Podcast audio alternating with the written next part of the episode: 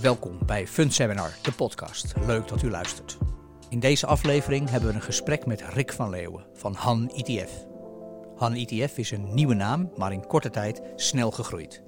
Deze asset manager biedt met hun ETF's een set zeer liquide producten en geeft daarmee vermogensbeheerders en financieel planners de mogelijkheid in assetklasses te beleggen die anders minder goed of niet toegankelijk zijn. Rick legt uit waarom bij beleggen een open mind extra rendement kan opleveren. Mijn naam is Richard Neven. Fijn dat u luistert. De Fund Seminar podcast wordt dit kwartaal mede mogelijk gemaakt door OBAM.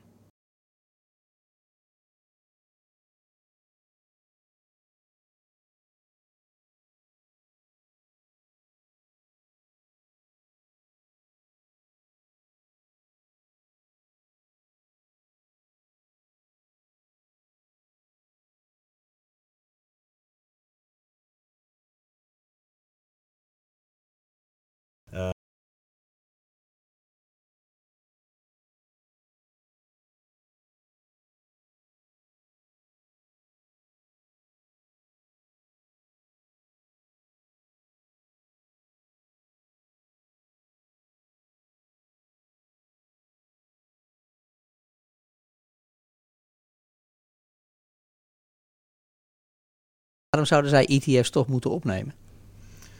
Ik zie eigenlijk twee soorten beheerders. En, en misschien dat je zelf kan splijten tussen beheerders die ETF's gebruiken en beheerders die niet ETF's gebruiken. En dan heb je, nou ja, misschien dat er zelfs nog een derde aspect tussen zit. En dat zijn beheerders die alleen de hele goedkope main benchmark ETF's gebruiken. Mm We hebben natuurlijk veel discussie gehad over actief en passief en het ehm, en de performance vooral van actief beheer ten opzichte van passief beheer. Ik denk dat vorig jaar best wel heeft laten zien.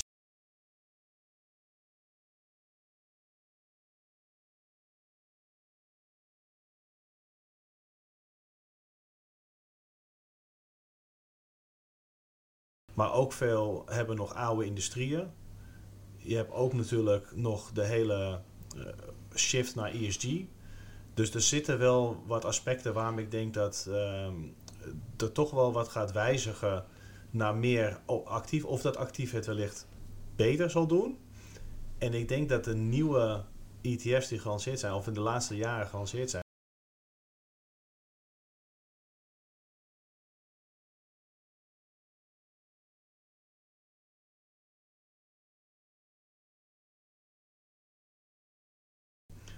Ik denk het wel. Ik denk als je nu.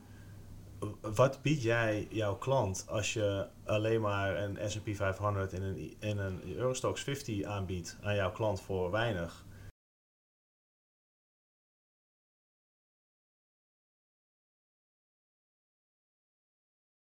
Denk bijvoorbeeld aan een ABN AMRO die uit de AEX gaat. Gaat deze indices ja, wil je, wil je dan niet. Je kan natuurlijk heel prima 80% in main benchmarks hebben, maar wil je dan niet 20% in de nieuwe opkomende industrieën hebben? Dus dat je dat is eigenlijk een betere spreiding dan als je alleen maar in de standaard traditionele indices zit. Kun je daar iets over vertellen? Ja, zeker. Uh, we hebben uh, bijvoorbeeld uh, de eerste medical cannabis ETF gelanceerd. Mm -hmm. nou, dat is natuurlijk een, een, een, een, een stuk wat vrij lastig is om te beleggen als, het, als je dat individueel doet, individuele aandelen. Uh, heel belangrijk dat je namelijk alleen belegt in uh, bedrijven uh, ja, die geen leisure hebben, dus dat puur medical is. Dat is een heel belangrijk aspect. En dat is in onze ETF natuurlijk volledig gereguleerd, dus dat is gecheckt. Nou, dat is één ding.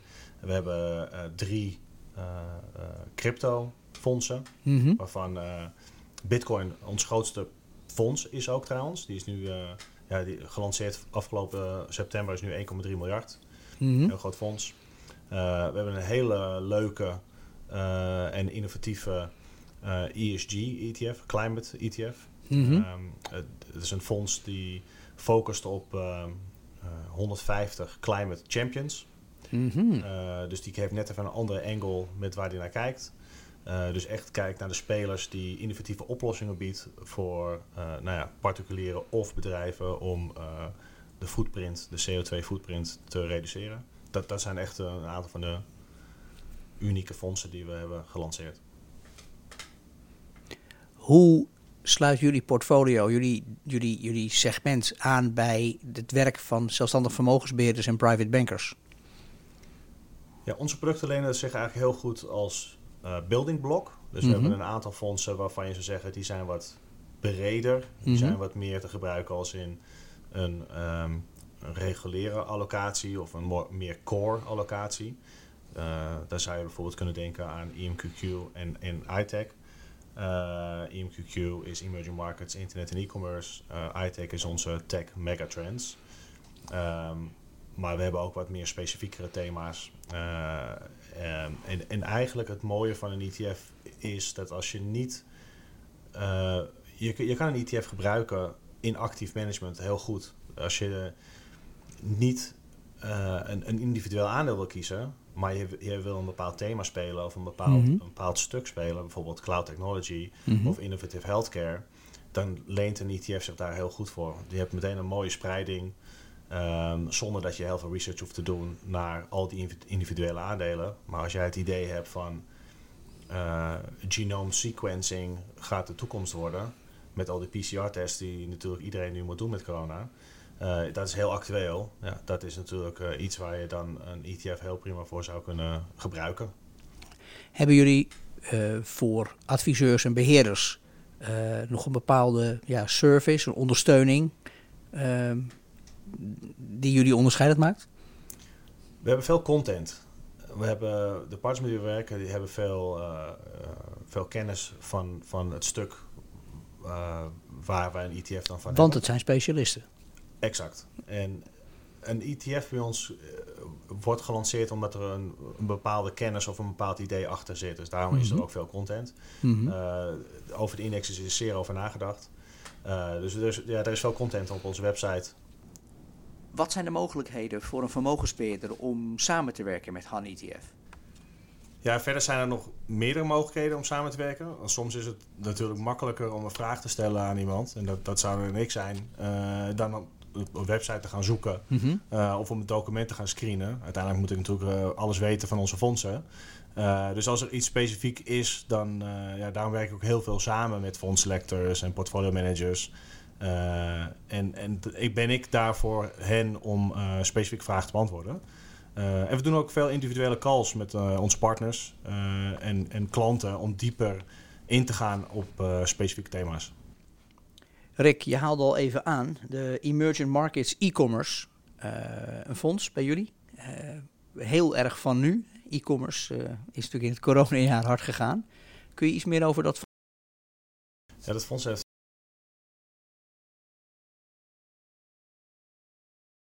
eh, corona ehm, de e-commerce onwijs ver, ehm, eh, versneld heeft. Eh, de, er wordt zelfs gezegd dat het met vijf jaar de e-commerce verhoogd heeft. Ehm, dus dat is, dat is natuurlijk een heel interessant aspect. Nou ja, waarom e-commerce in emerging markets? Want dat is wat deze ETF doet. Die, die kijkt volledig naar... een eh, unieke, een unieke invalshoek? Hè? absoluut. Ja, en het gaat dus om de duidelijkheid. Het gaat om eh, e-commerce bedrijven die actief zijn in emerging markets. Daar maken ze hun omzet. Absoluut. Dus eigenlijk, de, als je kijkt naar deze ETF, ehm, hij, is, hij is uniek in, in, in een paar aspecten. Eh, hoe de, de, Kevin Gardner, dat is de, de uitvinder, zou je kunnen zeggen, van deze ETF. Eh, Mhm. Die is, eh, eh, nou, ik geloof al twintig jaar belegger in, in China in emerging markets. En die kwam, liep eigenlijk tegen een aantal problemen aan. Mhm. Uh, en een van de grootste problemen wat hij merkte, hij zag eigenlijk vrij snel van ja, waar zit de groei in emerging markets? Nou, de groei van emerging markets zit in uh, consumer spending. Daar zit de grootste groei. Um, de, een van de grootste problemen eigenlijk in de traditionele indices is dat je ongeveer 30% state-owned enterprises hebt. Nou, state-owned enterprises is iets waar we nou vrij veel uh, fraude of, of, of nou ja, gekke dingen in het nieuws van hebben gezien. Ja. Um, en dat is wellicht niet wat je in je ETF wil. Dus dat, dat, deze ETF filtert state of enterprises eruit. Mm -hmm. um, En wat je ook ziet bijvoorbeeld, is in de traditionele uh, indices, Mhm. Uh, is dat de, de, de country definition, zeg maar, of ja, wel- welke spelers wil je erin hebben? Je wilt spelers hebben die ook echt daadwerkelijk de eh, exposure hebben naar emerging markets. Nou, dat doet deze ETF. Hij kijkt eigenlijk naar de volledige universe. En die kijkt naar bedrijven die meer dan 50% exposure hebben naar emerging markets. En het maakt niet uit waar die gelist is. Juist. Dus een bedrijf wat actief is in Sub-Sahara-Afrika of in Azië met een listing bijvoorbeeld in Amsterdam, kan evengoed in deze ETF worden opgenomen. Absoluut. Dus bij ons zou je dus ook zien dat een Alibaba zat al vanaf het begin af aan erin. Maar in de traditionele indices, eh, die waren de eerste paar jaren, was Alibaba zoek, zeg maar. Ja, maar die hebben die delta dus niet gehad. Nee, dan, en dat is natuurlijk juist wat je wel wil hebben. Want dat Ja. zijn wel de, ja, de bedrijven die het meest interessant zijn. De krenten in de pap. Absoluut. Rick, eh, die groei, waar komt die vandaan? Nou, de groei van. ehm, het is best wel leuk om, om, een klein beeld te hebben van de, de retail e-commerce. Als je dat bekijkt, Mhm. van eh, eh, het verschil bijvoorbeeld tussen China en, en US. Eh, we hebben namelijk ook een product gelanceerd die, die ook e-commerce doet, maar meer developed is. Dat is onze iBuy, voor instance. Maar dat, laten we het nu hebben over, over IMQQ. Als je kijkt naar China, Mhm. meer dan 50% nu al eh, van alle retail sales wordt gedaan eh, eh, via internet, e-commerce. Ja. In de US is dat ongeveer 15%. Mhm. Dus als je zou kijken naar de developed markets, dan ligt de groei veel meer in dat de verschuiving, zeg maar wat we dan ook zeggen van bricks naar clicks, Mhm. dat is in, in de emerging markets en zeker in China is dat, is dat wat anders. In China zit de groei veel meer in ehm, dat de, de middelklaas Ja, rijker wordt, meer besteedbaar inkomen. heeft. En met die groei je meteen mee, want 50% van die knaken wordt dan sowieso online uitgegeven. Absoluut. Plus, eh, wat je ook krijgt, is dat je de smartphone en internetadoptie, die groeit. Nou, Mhm. in China is, is dat al eh, eh, best oké met de smartphone adoptie. Als je bijvoorbeeld kijkt naar Amerika, 79% van de mensen hebben een smartphone. Mhm. In China is dat ook al 60%. Maar als je het bijvoorbeeld vergelijkt met India, is dat pas 25%. Mhm. Maar als je nu eh, eh, ja, een smartphone straks kan krijgen voor, voor minder dan 50 dollar. Natuurlijk zitten er wat andere functionaliteiten in dan eh, de, de iPhone zoals wij die kennen. Maar dat is voor heel veel mensen in emerging markets is dat hun eerste internet access. Dus ook de eerste keer dat ze in e-commerce of iets kunnen kopen. Buiten dat ook nog eens om dat ze in die landen helemaal niet eh, een, een, shopping street hebben zoals wat wij dat gewend zijn. Die hebben geen uh, Beethovenstraat.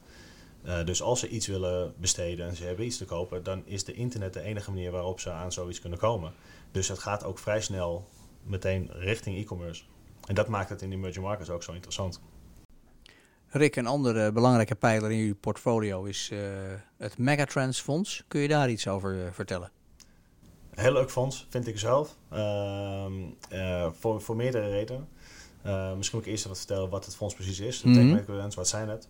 Um, deze, dit fonds focust zich eigenlijk op um, industrie 4.0, zoals dat mm -hmm. gezien wordt. Dus wat is de nieuwe industrie, uh, de industrie van de komende jaren? Uh, nou ja, dat zijn in, in, in, in, in onze ogen, in de ogen van, van deze ETF, zijn dat de future transport, digital entertainment, social media, robotics, cybersecurity, cloud computing, genomics en blockchain. Dat zijn in, in feite de, de, acht grote technologisch gedreven trends die de economie vooruit zullen duwen. Ja, dus die echt een, een, waar ook een grote groei in zit. Mm -hmm. En je ziet wel dat een aantal van deze ja, thema's of subthema's mm -hmm. Uh, wat volwassener zijn uh, dan wat andere. En ja. dat is ook wel leuk dat je dus uh, een aantal volwassen thema's die natuurlijk super groeien. Zeker als je naar de cloud kijkt of digital entertainment zitten mm -hmm. grote spelers in. Uh, maar als je bijvoorbeeld kijkt naar genomics uh, of blockchain, zijn dat wat kleinere partijen. Als je een traditionele index hebt, Mhm. -hmm. die market cap weighted is, en dat geeft ook wel meteen het probleem aan. Uh, dan heb je eigenlijk met een Nasdaq heb je met 50% heb je nou ja, Fang of met in, inclusief Tesla dan Vangt, zou je het zo moeten noemen. Uh, en dat is natuurlijk best wel veel exposure voor, voor ja, acht of negen bedrijven. -hmm. um, en om dat op te lossen, uh, en ik denk ook een betere manier van beleggen is, is equal weight in die zin. Ja. Dus deze ETF die focust op een equal weight eigenlijk op twee manieren. Dus, een, dus double equal weight. Het is equal weight ehm, op subthema niveau, Mhm. maar ook in het thema voor, voor de individuele namen daarin. Dus op die manier ga je dus krijgen dat je dus niet ja, de grote eh, cloud spelers eh, als enige in, het, eh, in, in, de, in de ETF hebt, maar dat je dus ook een, een, een leukere spreiding hebt tussen wat, ja, wat meer midcap bedrijven of wat opkomendere. Ja, want die, die grote namen, hè, de Facebook en, en, en eh, Alphabets van deze wereld, die hebben natuurlijk waanzinnig goed gedaan. Maar die groei gaat natuurlijk afvlakken op een bepaald moment. De echte interessante delta zit daaronder. Ja, wellicht. Kijk, dat weet je niet. Maar wat je wel weet, is dat als jij een hele grote allocatie in één naam hebt, is dat je meer risico loopt. Mhm. En ehm, als je kijkt naar de, de performance van iTech ten opzichte van de Nasdaq, dan, is, Mhm. dan doet hij dit jaar 4% beter. Mhm. Ehm, en hij deed het vorig jaar, eh, naar mijn weten, en dat, dat doe ik even uit mijn hoofd, ook 15% beter. Mhm. Ehm, en inderdaad, eh, het, het, het is heel moeilijk om de nieuwe Facebook te gaan vinden. Eh, dus het is wel leuk als je een, een bepaalde spreiding doet. En in sommige sectoren zit gewoon onwijs veel groei. We hebben bijvoorbeeld in, in blockchain, dat is een, een, een naam die wellicht voor veel van de luisteraars wel bekend te horen komt. De Riot, Riot blockchain Mhm. zat bijvoorbeeld ook in onze index. En die eh, ja, was ongeveer vertienvoudigd, geloof ik, in een half jaar tijd. Ehm, en het mooie dan wel weer van een, van een equal weight eh, portfolio is, hij wordt ook halfjaarlijks gerebalanced. Wat je natuurlijk niet wil, is dat je dan eh 10% Riot blockchain in je, in je portefeuille hebt. Dus die is inmiddels alweer teruggezet afgelopen februari was het volgens mij. Ehm, en die staat nu alweer rond de 1%. Er zitten ongeveer 100 namen in, in deze ETF. ESG, een heel actueel thema. Hoe, eh, hoe wordt dat bij jullie ingestoken? Ja, dat is iets wat wij ook merken. Bij ons is het ook een, een, een thema dat steeds belangrijker wordt. Mhm. Eh, aan twee kanten merken we dat. We hebben natuurlijk te maken met partijen die ons benaderen om een ETF te lanceren. Eh, dus er komen nieuwe ESG-producten aan. Dus dat is één ding. Dus hou, hou, dit- hou, dit spa- hou deze space in de gaten. Mhm. We hebben een bestaande ETF. eh, dat is onze eh Cli- eh, iClimber Decarbonization Enablers. Eh, dat zijn, d- waar zitten 150 climate champions in zitten. Mhm. Ehm, dat is een actuele die we hebben. en Daar echt best wel veel vraag naar is. Veel interesse naar is. Ehm, en we hebben ook twee eh, ETF's op dit moment uh, aangepast. Mhm. Uh, en dat, is, dat zijn onze uh, Cloud Technology en onze Innovative Healthcare. Dat zijn onze twee uh, thematische fondsen. Uh, die hebben nu een, een negative ESG screening eroverheen gekregen. Dus dat is nieuw. Mm-hmm. ja, daaraan merk je ook dat wij ook aan de vraag willen ja. Ja, voldoen. En, voldoen. en Rick, ETF's staan bekend als een heel passief middel. Maar bij Han ETF kijken ze daar anders naar. Ja, zeker. ETF's zijn voornamelijk bekend als passieve fondsen. En dat is historisch gezien ook niet gek. De eerste ETF's die gelanceerd zijn, uh, volgden ja, de main benchmarks. Mm-hmm. De S&P, de Eurostox. Uh, uh, en daarna volgden natuurlijk zeg maar de Smart Beta ETF's. en met name de laatste twee jaar is er een duidelijke vraag naar thema-ETF's, themafondsen ontstaan. Mm-hmm. Um, en uiteindelijk is een ETF gewoon een wrapper. Het is een, zoals een mutual fonds het ook is. Uh, van klanten horen wij toch vaak dat de voorkeur gaat naar een ETF-structuur boven een uh, mutual fondstructuur. Uh, en wegens, ja, dat is vaak dan wegens transparantie en ook de mogelijkheid om gedurende de dag te handelen. In plaats van einde van de dag natuurlijk met mutual fondsen. Um, ja, en zelf hebben we inmiddels al één actief ETF gelanceerd. En binnenkort komt er nog één aan. En we zijn met veel actieve fondsbeheerders in gesprek over het listen van een ETF op nieuwe of al bestaande fondsen die zij beheren. Um, we verwachten dus ook echt dat er een verschuiving van mutual fondstructuur richting ETF's-wrapper uh, uh, ook in actief zal plaatsvinden. Zoals we dat al gezien hebben in de passieve fondsen natuurlijk. Uh, en uiteindelijk dat de, ons, ons aanbod van ETF's ongeveer uit 20% actieve ETF's zal bestaan. Fijn dat u heeft geluisterd naar de podcast van Fund Seminar. Deze week in gesprek met Rick van Leeuwen van Han ETF. Luister elke week naar een nieuwe podcast van het team van Fund Seminar met altijd een gast uit de sector. De Fund Seminar podcast wordt dit kwartaal mede mogelijk gemaakt door OBAM.